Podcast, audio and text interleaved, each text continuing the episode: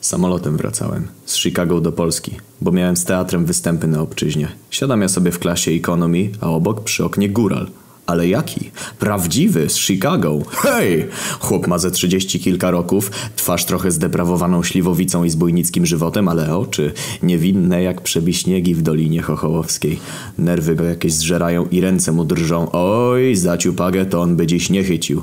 Nie wiem co go tak telepie, no bo chyba nie lęk wysokości. Dyć góral co się wysokości boi to jakiś przebieraniec. Więc mówię mu, żeby się nie frasował, bo zaraz stewardesa w ramach podarunku od polskich linii lotniczych wyposaży nas w różne wysokoprocentowe trunki. A on mi na to, że nie może bo na górce jest.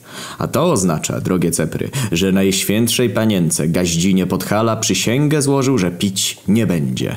Chyba, że sama matka ludźmierska mu się objawi i z przysięgi zwolni, co zresztą wcale nie jest niemożliwe, bo i takie wypadki pod Tatrami bywały. No i tu byłem świadkiem chyba najszybszego cudu świata, bo jeszcze nie skończył o przysiędze mówić, jak mu się nagle w naszym Boeingu Matka Boska ukazała jego zdrowasiek wysłuchała, do serca utuliła i coś do ucha szepnęła więc dobył stobołka, co go miał między kierpcami marki Adidas butelkę litworówki ze strefy bezsłowej. Wypił do mnie, ja do niego, pękły lody jak krana Dunajcu i opowiedział mi swoją historię.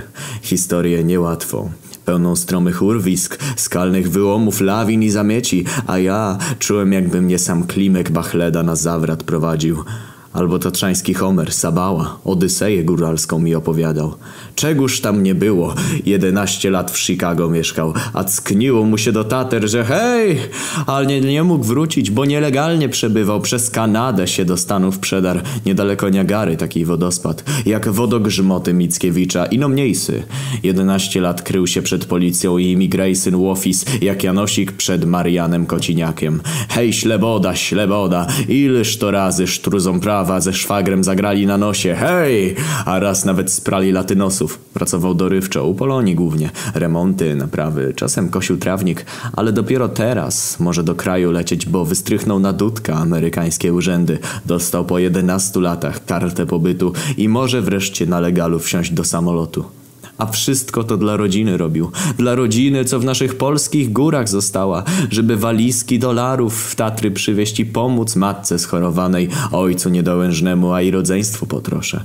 Słucham i się wzruszam. Duma mnie rozpiera, że mam tak wspaniałego rodaka. Litworówka po żyłach mi wędruje jak Karol Wojtyła po gorcach i nagle nostalgia jakaś mnie ogarnia. Jakby halny mi gdzieś w trzewiach zaczął duć.